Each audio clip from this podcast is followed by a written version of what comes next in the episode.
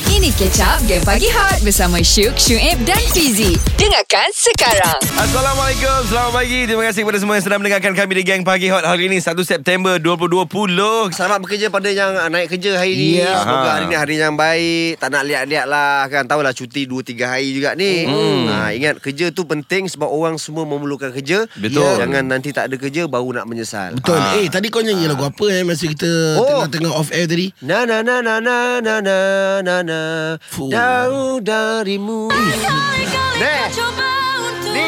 pergi Jauh Ha. darimu Ah, Aku cuma boleh beza kata dia- almost setiap malam. Aha. ah, setiap dengar. malam lagi. Yes, masa aku study untuk uh, Shoprite kita ni, Okay aku akan dengar lagu-lagu nyanyian daripada Aina Abdul. Oh dia Ah. cover sa- lagu memang sedap Lepas Memang tu, sedap ah. Ah, aku pun cakap dengan rumah aku Cakap ah, cover lah Lagu-lagu Ain Ain Abdul, betul. ah, Macam lagu ni pun sedap ni Lagu semalam eh Fuh. Ah, itu lagu semalam Yang paling baru Paling latest Dia Aha. buat keluar satu lagu ni Tapi dia macam ada kekeliruan sikit Hmm, eh? maybe ke? Ah, Klik-klik dia, apa? Maybe ke tajuk dia tu apa klik-klik Kejap Mana? lagi dia datang Kita tanya lah Dol Oh tak ada lagu dia Cuba dengarkan sikit pada Boleh Kejap, boleh kejap lagi, kejap lagi, kejap lagi, Kejap lah, kejap lagi, lagi eh. lah. lah. Tak surprise lah. Oh okey okey okey okey okey okey. Kau ni Kita bagilah surpriser Ah, sikit. tunggu Aina Abdul sampai ya. Yes. Hot FM, Music paling hangat. Paling hangat. Pagi ni kita bersama dengan Aina Abdul. Hai Hai semua. Hai selamat pagi Selamat pagi Ya Allah. Dengar eh penyanyi kalau dah me- namanya penyanyi hebat, Mhm. bercakap pagi-pagi pun tak sumbang. Ah. Hai, Kenapa? Selamat pagi.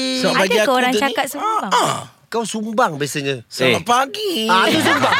Kan saja Sukakan kau Kau dengar lah Sumbang. lagu dia yang dia cover selama ni. Ah, semua Ya. power Eh, power. Pagi ni saya rasa sangat-sangat seronok, sangat-sangat teruja Ya, apabila saya terus terang cakap, saya one of the uh, your big fan. Yeah. Sebenarnya kita bertiga Yes. Ya. yes. lagi Memang Yeah. yeah. betul-betul minat Habis Yep. yep. dengan suara Saya Aina Hmm. Dol. setiap malam boleh dikatakan akan layan uh, YouTube channel awak Hmm, Yeay. dengan lagu cover-cover awak. Yang Ooh. paling favorite Purnama Merindu. Yes. My All. Wah. Oh, nampak Banyak. Okay, Eh, G dulu. Lagu-lagu K-pop Ha. Ah.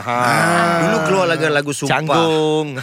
Eh dulu keluar dengan lagu Sumpah Lepas Baik. tu lagu Semalam Yang saya Baik. Hmm. sangat suka Dan lagu terbaru adalah Berikan ku jawapan itu Ini lagu Maybe. Satu lagu lagi, Ha. Twinkle Twinkle Little Star kelip-kelip. Kelip-kelip Oh Kelip-kelip kan. Oh maksudnya yang lagu orang putih tu Tajuk dia Melayu Ya, Lagu Melayu tu tajuknya orang putih ya. Wow oh. dahsyat unik Jadi maksudnya dalam satu lagu Ada dua tajuk Ke Dalam macam mana? muzik video Dalam satu MV ada dua lagu. Oh itu dia Alright Okay kita nak sembang panjang Pasal lagu Tapi sebenarnya uh, Kami GPH bertiga dah setuju Sambil-sambil Kita berborak dengan Aina pagi ni Kami Yes. ada satu cabaran tu Aina Aha. Okey.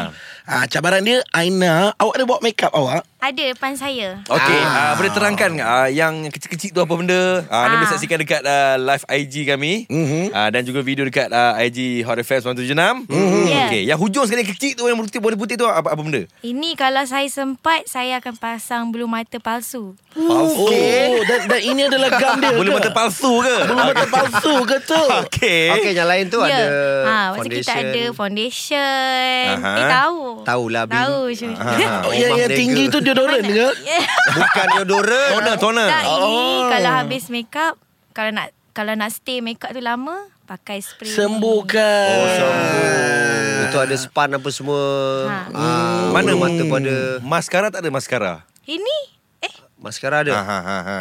Ah, jangan tipu kita. Jangan tipu Fizi. Fizi Ah. kaki make up. Yes. Ah. Gitu. Ada. Okay. So maksudnya challenge dia sepanjang borak ni dia kena make up. Yes. Oh.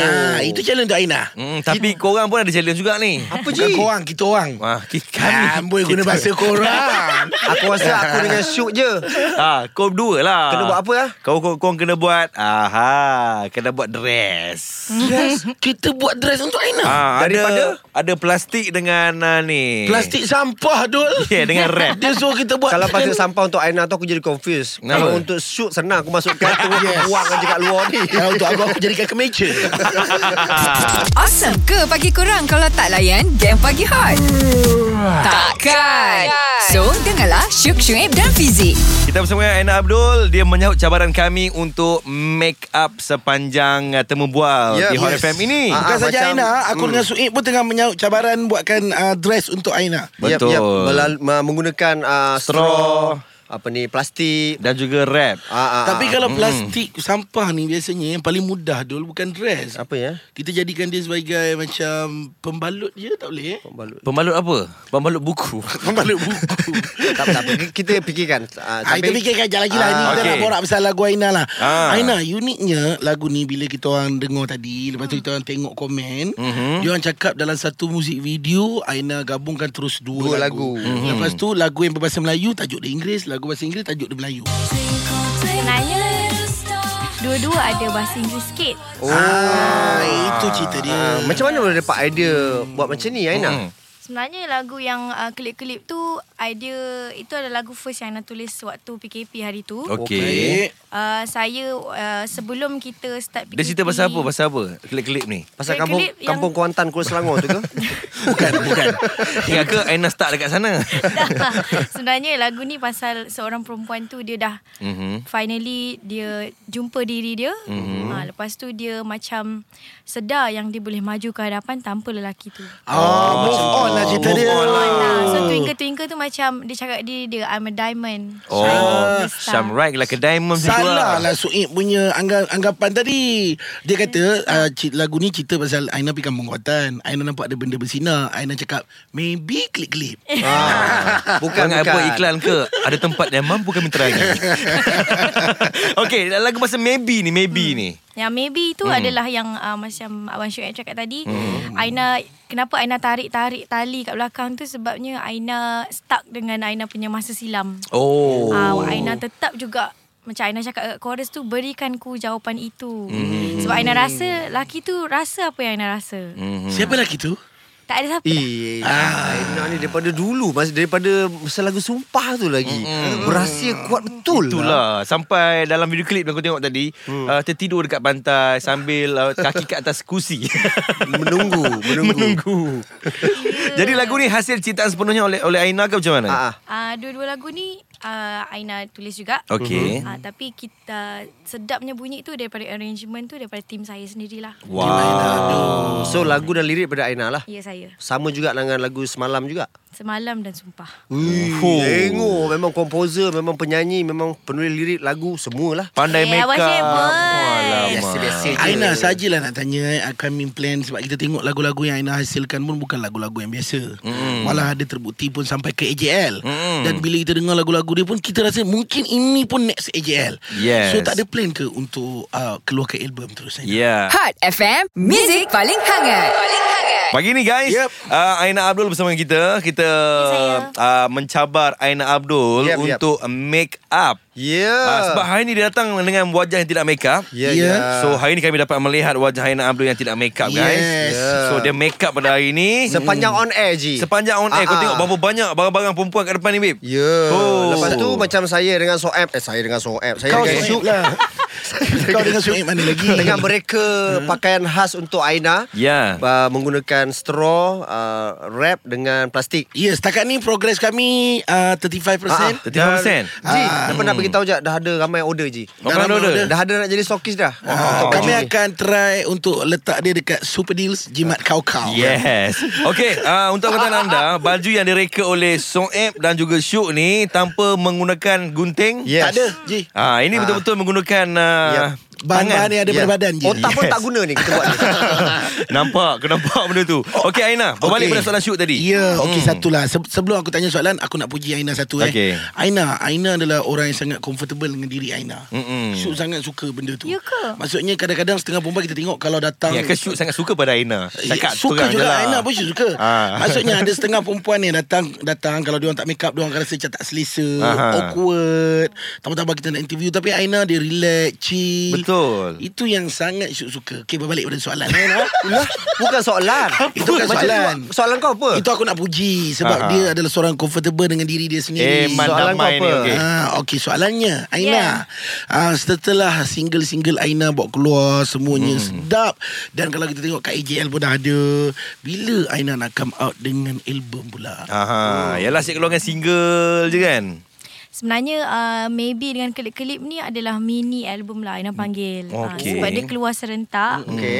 Uh, so macam Aina start single dulu, lepas tu dah keluar dua lagu ni. InsyaAllah next year Aina banyak sangat plan. Even Mm-hmm. tahun ni pun ada lagi beberapa lagu yang Aina akan keluarkan. Wow. Tapi itu Okey. tapi itu secret project lah. Ha. Baik, baik, Secret. boleh, boleh, boleh, Lah. boleh. Ha, tapi tak takut ke Rahsiakan. bila ada dua lagu yang di launching sekali ni, tak takut ke lagu tu ada yang uh, Dia tanding eh. Ah, Aina tak kisah sebab asalkan oh. uh, sebab so far feedback ada yang suka maybe, ada yang suka klip-klip mm. which is itu yang Aina nak sebabnya Aina tahu yang apa saja Aina keluarkan mesti ada orang yang suka, ada orang yang tak suka. Betul Okey. Aina, Oh. betul. So sebagai uh, anak seni Aina hanya berserah saja mm-hmm. setiap karya yang Aina keluarkan Aina kena ada perasaan yang macam kita kena uh, tabah dengan apa saja penerimaan orang. Oh. Tadi ter, apa dia tertarik pula pasal dulu pernah dengar Aiman tak kisah ni Aina tak kisah tadi siap. Aina tak kisah dia siap. Dia versi Jadi- perempuan. Takkan Aina nak cakap Aiman tak kisah. Jadi tak Ah, kira Aina kan lah. Aina Okay Aina. Okay Aina ni ah, Ni ab- Ya. abang nak tanya lah Sebab Ya. kalau tengok video klip ah, Ni maybe dengan klip-klip Mhm. ni mm-hmm. Fuh bereksperimen betul eh Dengan fashion Ya. ah, Jadi nak tahu Itu datang daripada Aina sendiri Ataupun daripada produksi Kejap lagi. Nah. Ah, Aina sambung make up Aina. Awesome ke pagi korang kalau tak layan game pagi hot? Takkan. So, dengarlah Syuk Syuib dan Fizik. Annie Zakri juga ada tweet, I love Aina Abdul's new MV. Ui, ah, Ernie puji dah. Ah, Tahniah. Brilliant Terima kasih. concept. Yep. You can really see how hard she work. Yeah Congrats to Betul, her betul. and the team. Uh, keep um coming. MV yang berlainan. Bila lagi kan 20 dah masanya. Congrats Aina Abdul Music. Ah. Yes. Oh, Congratulations. Aha. Yay. Okay Okay, Itu dia. cabaran masih lagi berlangsung sekarang ni. Ah, ah. Di mana Aina Abdul uh, Aina Abdul. Aina Abdul uh, Ah. dah berapa peratus lah tu dah siap uh, ni? Ah 70. 70%, 70%. Pakai, Sama. Pakaian pun uh, dalam 60% Eh, lah come on Ya, lah. Hari ni betul. pendengar-pendengar tak tahu lagi ni. Ah, ah. Kita bersama dengan dua designer. Yes. Man Damai apa khabar? Ah, sihat. Mangkari, Alhamdulillah. Mangkari? Saya Kamilah double M. ah, Kami sihat Ah, masalahnya okey, ah, tiga barang telah pun diberikan untuk Ah, pendataan ah. anda. Ah, Ah, ah. kita ada Plastik sampah. plastik sampah. Sampah. Ah, kita ada straw dengan wrap. Kenapa tak kau tak guna wrap lagi ni? Sabar Benda pun rap Dia Ya, rap Hmm. betul. ni last kali Betul, oh. rap Rap biasa ni- It's a rap Last kali Sabar Kami jadikan dia sebagai coating. Ah, eh? coating, coating baju tu. Okay. Ah, okey. Kita berbalik kepada Aina Abdul Aha. Tadi Ernie pun puji Video klip uh, terbaru uh, Klip-klip dan juga Maybe, Maybe Yes. unique. Unik uh, Dan kalau tengok dalam video klip tu Memang nampak Bereksperimen dengan fashion Mm. Uh, Banyak baju yang dipakai So nak tahu sebenarnya Idea tu datang daripada Aina Ataupun daripada Team. Fashion designer. Team management Ataupun macam mana Uh, kebanyakannya sebab Aina uh, tanggungjawab Aina dalam projek ni dengan tim Aina Aina lebih kepada lagu. Oh, Baik, lagu. baik. Ah uh, tapi dari Sedapnya segi suara dia. So, Ah, cakap pun boy. sedap. tapi dari segi fashion mm-hmm. uh, saya ada tim yang sangat-sangat setia dengan saya wow. which is Baik. uh, Nas Living Styles, uh, Hey Sabri, Ahmadani wow. dan juga uh, manager saya Zizi Hadid. Mm-hmm. Jadi kita orang semua memang uh, s- sebelum nak pergi shoot tu mm-hmm. dua minggu preparation tu memang kita orang akan uh, brainstorm mm-hmm. uh, leb- banyak keputusan dan uh, idea yang brilliant ni daripada datang daripada da- tim saya. Oh, datang daripada tim sendiri. So tahniah eh? jugalah Ah, kepada tim sebab Yes, of berjaya course. Ya, hasilkan benda yang sangat unik eh. Yeah. So berapa banyak baju sebenarnya dalam uh, MV ni? Total semua adalah uh, lima baju. Lima baju. Oh, Wow. Baju tu Okey. pelik-pelik fashionnya. Eh nak tanya Aina lah kan yeah. Ya. Aina jenis orang yang cerewet ke Macam mana Hmm. tentang fashion ni Kadang-kadang ada artis yang Bila designer ni dah buat baju tu Dia tak nak pakai Ah, ada yang Ah, jenis betul. Ah, ada yang jenis ah, tak apa bagi je aku pakai semua. Ah, Aina ni yang type macam mana Saya jenis yang macam uh, saya tak nak lah macam tiba-tiba orang dah buat saya tak pakai Hmm. hmm. macam tu. Sebab tu saya akan uh, sentiasa um, Terbuka. Saya nak berada dengan semua orang bila discussion. Okey. Kalau saya free saya nak berada dengan semua orang. Hmm. Jadi uh, bila uh, tim saya um, dah designkan sesuatu, Mhm. mm-hmm. tak adalah macam saya tak tahu apa-apa. Okay. Uh, Okey. jadi saya tak adalah berlaku macam tiba-tiba saya tak pakai sebab kesian uh, uh, Orang dah hasil buat. kerja mereka hmm. ya. Okey janji eh Betul berpegang pada cakap Sebab Abang Man eh, Penat ni buat ni. Man Damai dengan Man Kari oh. Dah buat tau Dah berkali Aina, dah kita Aina pun memang berada kat sini tau Ha, dia siap Ah. buat aksesori tau. kan? Isteri apa semua Daripada straw Janji, Ingat apa eh. Ya. Yeah. Pakai tau Yes. Ah. Eh, dah ada masuk pre-order lah baju ni. Melampaunya Okay lah guys Sekejap lagi Nak tanya pasal uh, Cover-cover lagu Daripada Aina Abdul ni guys Awesome ke pagi korang kalau tak layan game pagi hot? Takkan. So, dengarlah Syuk Syuib dan Fizik. Pagi ini kita bersama dengan Aina Abdul Datang dengan lagu barunya Iaitu Maybe Dan juga klip-klip guys Twinkle, twinkle, little star. Ha. How I wonder what you Oh. are.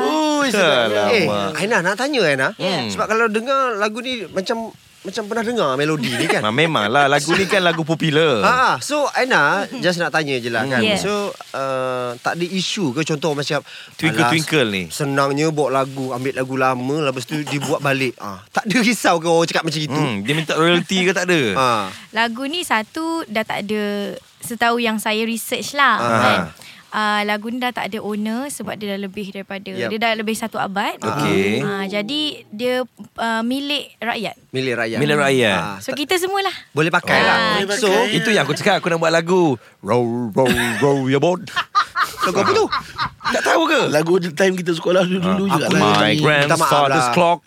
Aku Ah. Hmm. dulu minta maaf, Mungkin ramai tak tahu Aku dulu masa lahir Dia- dia terus nyanyi lagu aku- lain kan? Kau Bukan. masa kecil-kecil? Aku lahir Lepas tu Tak tahu macam mana Umur dah 12 Oh kau lahir-lahir dah besar Dah besar. Patut umur 36 macam 57 Jamin button aku ni Pemikiran je macam budak-budak. So tak Kejap kejap Aina So macam Aina uh, Boleh terima lah Kalau orang cakap Alah mudahnya buat kerja Lagu macam gini pula dibuatnya Okey lah maksudnya Alah tak kisah. Orang cakap apa cakap lah. Aina tak kan? kisah. Tak kisahlah. Okey Okey, eh Aina ni kalau kita perasan pada tadi sampai sekarang dia tengok kami buat dress dia pun dia Mm. positif. Ha. Positif Dia sangat. dengar lagu dia dengar Betul. komen sui- negatif pun dia Eh, positif. come on lah Aina. Aina kena pakai baju ni tau. Aina okey je sebab Aina memang suka fashion. Yeah. Ah. Ah. You apa tahu rek anak ai? Oh, okay. Okey. pandai dah marah. eh. Dengarkan game pagi hot setiap Isnin hingga Jumaat jam 6 hingga 10 pagi bersama Syuk Syuib dan Fizik.